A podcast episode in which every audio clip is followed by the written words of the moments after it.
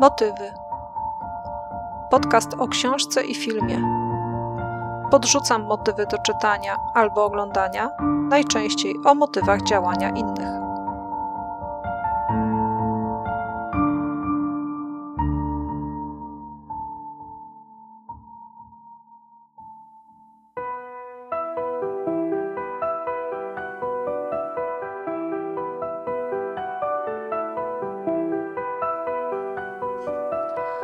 Donato Carisi Dziewczyna we mgle. Powieść przełożył Jan Jackowicz Wydawnictwo Albatros. Film Dystrybucja Best Film Dziś dostępny jest na platformie Netflix.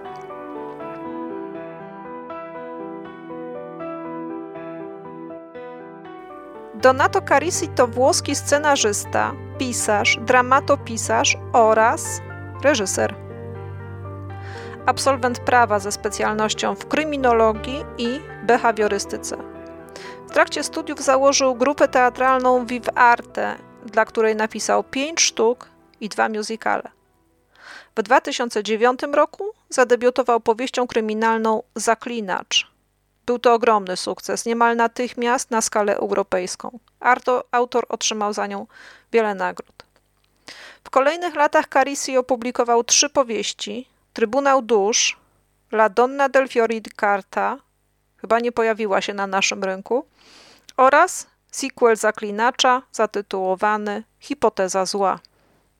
W 2017 roku za to ukazał się w Polsce Łowca Cieni, będący kontynuacją Trybunału Dusz, a w marcu 2018 właśnie Dziewczyna we mgle.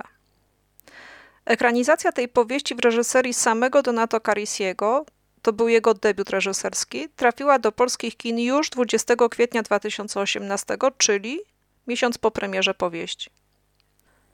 W obsadzie znalazły się gwiazdy europejskiego kina. Jean Reno, znany z takich filmów jak Leon Zawodowiec, Ronin, Kod da Vinci, albo Alessio Boni, znany z turysty. 21 marca 2018 roku Donato Carisi otrzymał nagrodę Włoskiej Akademii Filmowej, odpowiednik amerykańskiego Oscara, za debiut reżyserski, właśnie Dziewczynę we mgle. Jak podaje portal Lubimy Czytać, wielkimi fanami twórczości Donato Carisiego są Michael Connelly oraz Sam Ken Follett. W lutym 2020, czyli no prawie wczoraj, na naszym rynku ukazał się Labirynt, przepraszam, dokładny tytuł, W labiryncie. Ja już jestem po y, lekturze oczywiście, może kiedyś też zrobię o tym podcast, ale ponieważ swoją przygodę zaczęłam od dziewczyny we mgle i ponieważ została zorganizowana, a przede wszystkim ponieważ mamy tu rzadki przypadek, gdy pisarz, scenarzysta oraz reżyser to jest jedna osoba, musiałam wam o tym opowiedzieć trzy różne warsztaty, trzy bardzo odmienne procesy tworzenia. No tylko analizować, co się sprawdziło, co poszło nie tak, a gdzie autor nie dał się zwieść własnej głowie. Dlatego ten odcinek będzie dziś nieco dłuższy. Biegający w słuchawkach na uszach niech się nastawią na dłuższy dystans. Pozostali niech się rozsiądą wygodnie z miłym napitkiem w dłoni. Zaczynamy od powieści.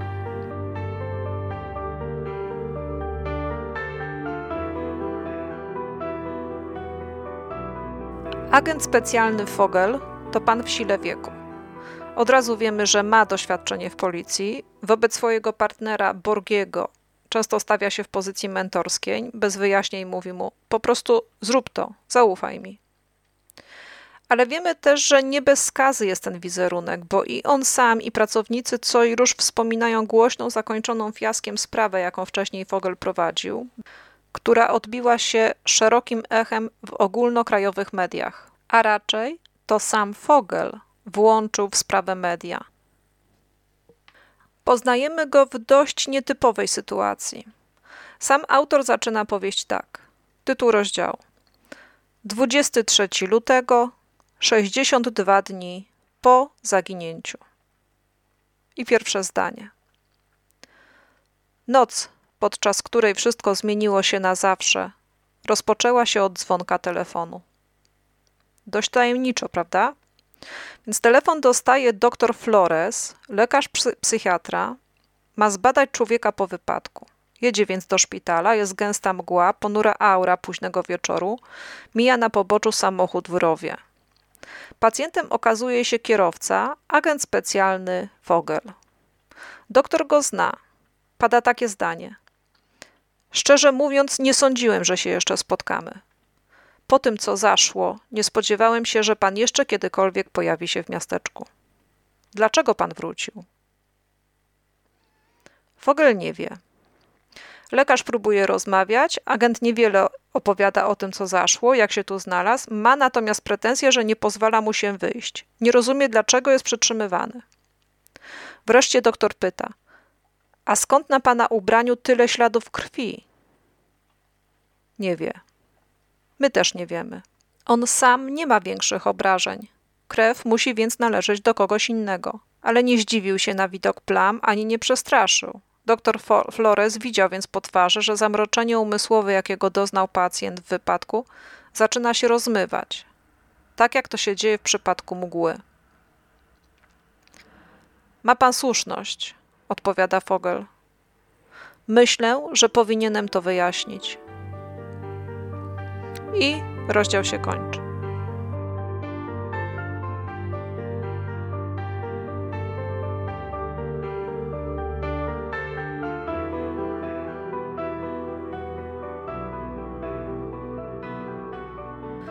Autor oznacza rozdziały nie numerem, a datą i ile jest dni od zaginięcia. W następnym rozdziale przenosimy się wstecz do końca grudnia i dowiadujemy, o jakie zaginięcie chodzi. Fogel i jego partner Borgi szukają zaginionej dziewczyny Anny Lu Kastner. Dwa dni przed Bożym Narodzeniem dziewczyna wychodzi z domu i znika. Mgła jest więc tu ujęta dwojako, a nawet w trójnasób jako zjawisko atmosferyczne faktycznie otulające miasteczko, jako metafora nagłego rozpłynięcia się dziewczyny na odcinku 300 metrów pomiędzy domem a kościołem, do którego szła, po drodze mijała szereg domów, w których w tym czasie, jak policzy potem Fogel, przebywało blisko 50 osób, a nikt jej nie widział. Do kościoła nie dotarła.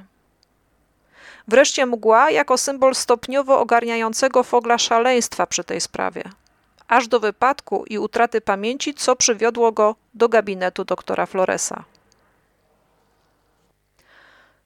Fogel z Borgiem prowadzą więc śledztwo. Przez kilkanaście rozdziałów dowiadujemy się, kim była dziewczyna, poznajemy jej rodzinę, szkołę, kolegów. Pojawiają się też pierwsi kandydaci na porywacza. I nagle znów przeskok do końca lutego.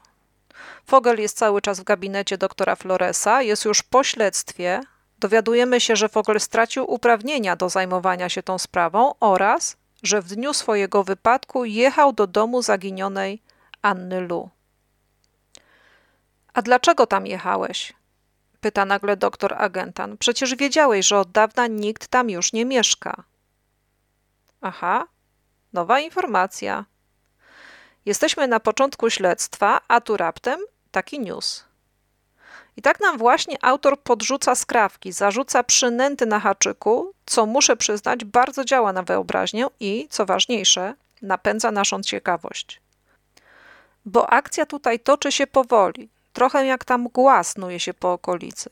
To coś tam odsłoni, momentami znika i już nam się wydaje, że wszystko wiemy, obstawiamy co zaszło i kto się do tego przyczynił, a tu nagle zwrot i mgła znów się zagęszcza.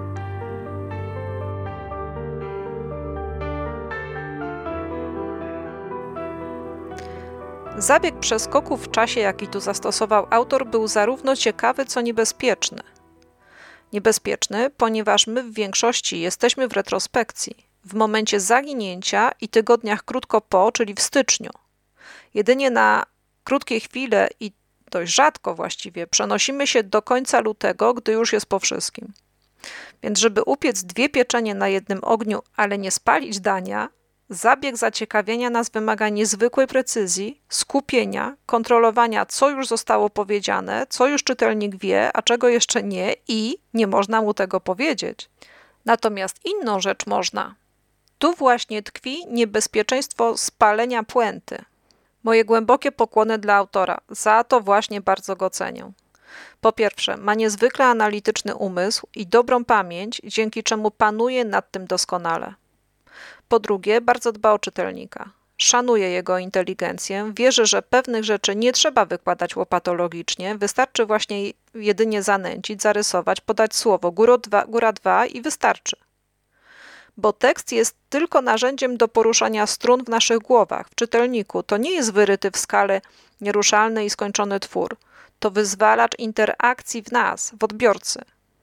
To dopiero w nas opowieść żyje, czasem całkiem innym życiem, inaczej widzimy niż ktoś inny dzięki czemu znów tak lubimy potem wymieniać się spostrzeżeniami po filmie czy książce, toczyć dysputy i spory, co autor miał na myśli. No muszę przyznać, że co zapewne już słychać po tym jak mówię, jestem wielką fanką pana Carisiego. Chylę czoła, biję pokłony, bo potrafi wciągnąć mnie w opowieść, przy czym nie traktuje czytelnika jak półgłówka. Wie, że odbiorca też ma głowę i lubi jej używać po swojemu bardzo zazdroszczę tej umiejętności, bo pisanie to jest proces taki trochę samoczynny. Jak już się wpadnie we flow, wskoczy na falę i da się ponieść nurtowi, to tekst niemal sam wylewa się spod palców, a wtedy zwyczajnie nie kontroluje się wielu rzeczy, chociaż panować trzeba nad wieloma aspektami. Jak odpowie ten czy inny bohater, bo skonstruowaliśmy go w taki, w jakiś konkretny sposób. Jeśli jest to wykładowca akademicki, no to język musi być już inny gdzie dzieje się scena, co widać wokół, jak zachowują się pozostali, no milion wytycznych do opanowania. Więc łatwo dać się ponieść i zboczyć w fabule. Albo gdy robi się duże przerwy w pisaniu, też można zapomnieć, co już zostało napisane i powtarzać podane już informacje. Jak w omawianej w ostatnim odcinku Genezie, tam widać było, jak autor albo wypada z formy, nie panuje nad podawanymi faktami, albo powtarza je, bo nie ma wiary w czytelnika albo bo siadał do pisania interwałami. Może jakaś sytuacja życiowa miała na to wpływ. No różnie bywa, nie wiadomo jaka jest przyczyna, bo zdarza się to zarówno pisarzom w środku kariery, na początku, jak i w fazie dojrzałej. Natomiast prawidłowością jest, przynajmniej tak wynika z moich obserwacji, że książka tym lepsza, im autor wkłada w nią więcej czasu, uwagi i serca. No chyba, że ma takie predyspozycje, kompetencje, czy jakkolwiek tego nie nazwać, no może talent po prostu jak Donato Carisi, że panuje nad większością. Większością, bo brakowało mi tu jednej rzeczy. Gdy zaczęłam czytać, miałam przed oczami film z 2002 roku pod tytułem Bezsenność. Nie bezsenność w Seattle, tylko bezsenność. To jest thriller Christophera Nolana, no, myślę, że tego pana niewielu z Was trzeba przedstawiać. To jest twórca takich hitów jak Interstellar, Incepcja czy ostatnio długo wyczekiwanego Tenet. Główną rolę grał tam Al Pacino, jako miejscowa młoda policjantka wystąpiła Hilary Swank oraz nieodżałowany Robin Williams. Rzecz się działa na Alasce, zaginęła młoda dziewczyna. Pacino przyjeżdża tam w roli eksperta, doświadczonego w poszukiwaniach gliny, ale cierpi na bezsenność. Na domiar złego trafia na białe noce na Alasce, gdy słońce chowa się na bardzo krótko albo nawet wcale, cały czas jest widno. I on zatapia się w mroczną historię dziewczyny z małego miasta na końcu świata, gdzie nikt nie chce odsłonić rąbka tajemnicy. Tymczasem słońce i brak snu oślepia, mroczy, uniemożliwia widzenie faktów i normalne funkcjonowanie, aż Pacino popełnia błąd. No i tu miałam nadzieję na powtórkę tego samego klimatu. No może jakoś tak wiedziona wrażeniami z tamtego filmu liczyłam, że Carisi też zdoła zatopić, zatopić nas w jakiejś gęstej, jak mgła atmosferze miasteczka. No więc nie, w książce trudno powiedzieć, że zabrakło takiego klimatu. Ta mgła pojawia się momentami, ale gdyby było tego więcej, bardziej, głębiej, gęściej, powieść zyskałaby jeszcze więcej. Ale powstał też film, Autor stworzył scenariusz, sam stanął za kamerą, by przy pomocy obiektywu opowiedzieć nam tę historię w nieco inny sposób, dokładniej, z innej strony. Może właśnie klimat będzie tu bardziej widoczny, wciągnie widza w duszną atmosferę miasteczka Aveshot?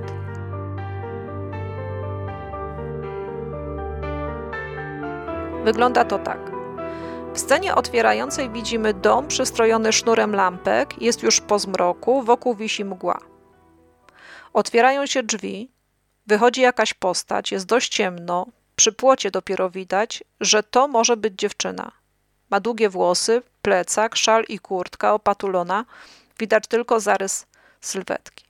Potem pojawia się plansza, taka makieta z małą miejscowością w Dolinie Górskiej, spowitej we mgle i tytuł. Widzimy więc Annę Lu, czego w powieści nie ma. Tam akcja zaczyna się dzień po zaginięciu. Doktor, doktor Flores, grany przez Jeana Reno, odbiera telefon, otwiera bramę garażu, zderza się, no i my przy okazji, z gęstą mgłą, jedzie do szpitala. Więc mgła, owszem, pojawia się od samego początku, zarówno w powieści, jak i w filmie, ale za moment już jest zupełnie inaczej. Po pierwsze, tym razem Fogel na pytanie Floresa o plamy krwi na jego ubraniu nie odpowiada: Myślę, że powinienem to wyjaśnić, co sugeruje, że również jemu samemu potrzebne są wyjaśnienia, no bo nie pamięta, co zaszło. Tu mówi: Muszę to panu wyjaśnić. Czyli on wszystko wie, pamięta doskonale, zaraz to opowie ze szczegółami doktorowi. To zmienia postać rzeczy, trochę inaczej ustawia nas wobec bohatera. I nie jest to błąd w tłumaczeniu. Przytoczyłam powyżej treść napisów z Netflixa, bo po włosku mówi podobnie. Credo di tu interno spiegazione, co oznacza myślę, że mam wyjaśnienie. Jest w pełni władz umysłowych, świadom co zaszło, chociaż policjantka mówiła doktorowi w korytarzu, że Fogel pamięta wypadek, ale nie wie, co było wcześniej ale jest to tylko króciutka informacja, ona może umknąć naszej uwadze, bo sam Fogel zachowuje się zupełnie inaczej, jako świadom tego, co się wydarzyło. W następnej scenie jest Boże Narodzenie, Fogel je śniadanie w hotelu, właściciel pyta, czy przyjechał ze względu na tę zaginioną dziewczynę.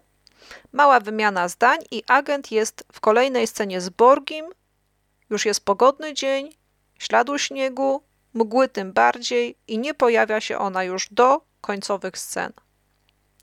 Jest szybciej. Vogel natychmiast zaczyna prowadzić swoje czynności śledcze i robi to z ogromną werwą. Czas upływa, kilka króciutkich scen, sekwencja montowana niemal z pojedynczych ujęć i już ma się zupełnie inne wrażenie niż w powieści. Akcja rusza tu z kopyta. Będzie wartko, sprawnie, no akcja za akcją. I tak dokładnie jest muzyka budująca napięcie, co chwilę nowi kandydaci na sprawcę, media nakręcające nastroje w miasteczku, intryga się zapętla na wielu płaszczyznach, wokół, tropu, wokół typów sprawców, manipulacji faktami przez media, ale i sam agent Fogel ma sporo na sumieniu. Dosłownie z minuty na minutę robi się coraz ciekawiej.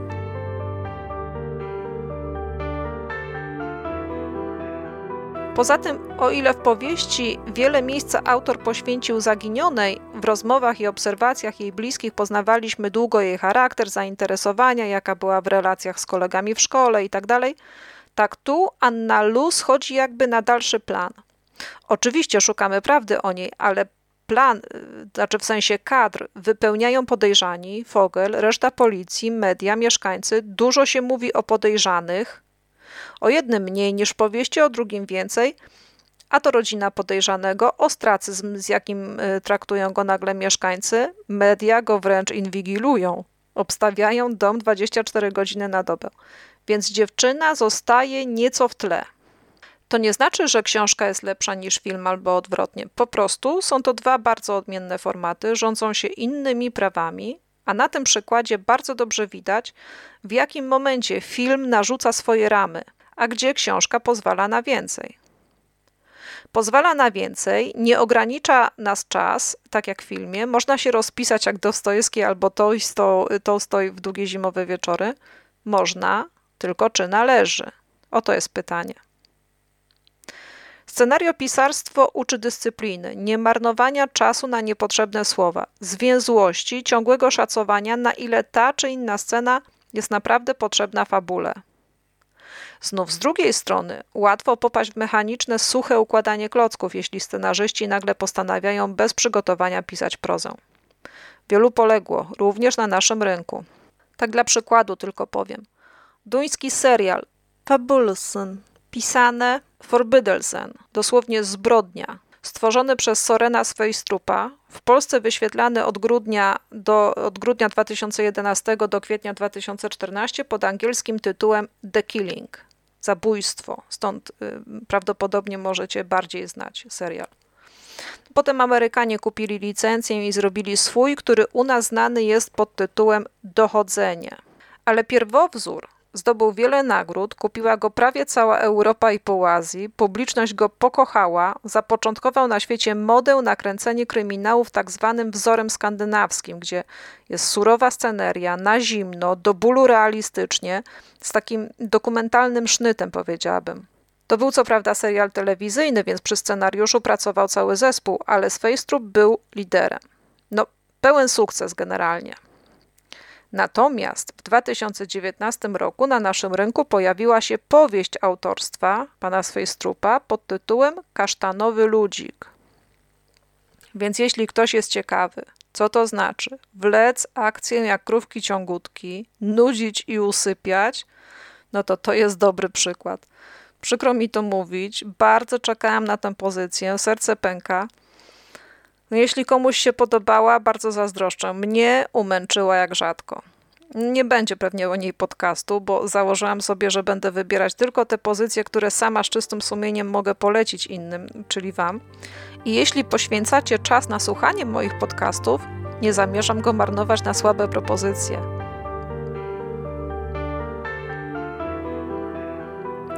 Ale wracając, no więc wcale nie jest tak, że dobry scenarzysta automatycznie jest dobrym prozaikiem i odwrotnie. Różnic jest cała masa ale największa chyba objawia się w języku. Literacki język opisowy, posiłkujący się określeniami nietuzinkowymi na pospolite zjawiska czy stany, scenariuszu nie istnieje. Więcej, nie jest mile widziany, bardzo się go unika.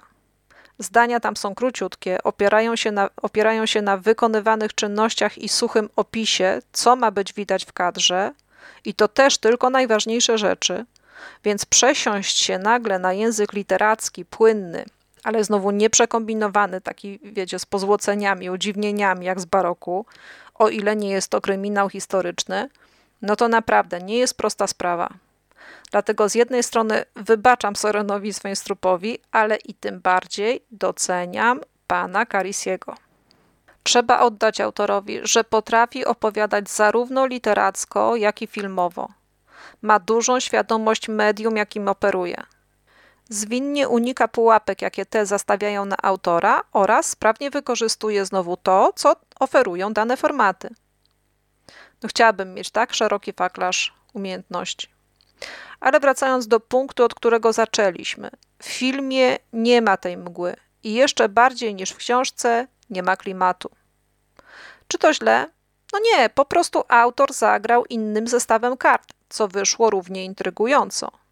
Wszystko jest tu spójne i akuratne, bo o ile w powieści akcja toczy się niespiesznie, wykorzystanie aury, scenografii jako jednego z graczy działa na plus, podbija przekaz, czyli mocniej wpływa na wrażenia czytelnika. Ale film nastawia się na akcję. Wydarzenia przyspieszają, są bardziej skondensowane. Jedne pominięte, inne mniej pokazane, i jeszcze inne uwypuklone, jak na przykład wątek domniemanego podejrzanego profesora. Więc tu, no owszem, byłoby możliwe włączenie jeszcze nastrojów, budowanie przy, tym, y, przy tej pomocy y, klimatu ciasnej społeczności. Tylko czy potrzebne? Tu gra intryga, jaką prowadzi Fogel i jego zaganianie podejrzanego w kozi, w kozi róg. To znów sytuacja się odwraca, bo pojawia się jakiś dowód albo zeznanie. Więc misternie uknuty plan postępowania dla wszystkich biorących udział w sprawie. W filmie już nie ma zanęt, ale i tak reżyser potrafi kierować naszą ciekawością. Podsumowując, ja sama nie potrafię powiedzieć książka czy film. Co jeśli kiedykolwiek się wydarzyło, to bardzo dawno temu i nie za często. Może przy okazji ekranizacji powieści Kena Folletta wspomnianego powyżej też nie potrafiłam.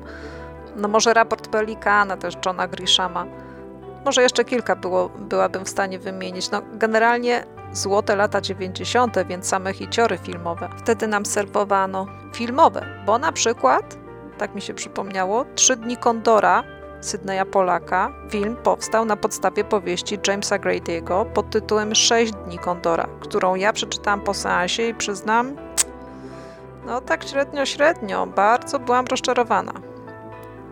Tak czy inaczej, żadnej z ekranizacji nie nakręcił pisarz. Do dziś chyba jest niewielu reżyserujących powieściopisarza, a jeszcze żeby zrobiono to z dobrym skutkiem, tak jak tutaj, to jest naprawdę rzadkość. Więc tym razem polecam zarówno jedno, jak i drugie. Podzielcie się w komentarzach swoimi wrażeniami na YouTube albo w mediach społecznościowych. Udanego oglądania, czytania, a najlepiej i jednego, i drugiego. Do usłyszenia.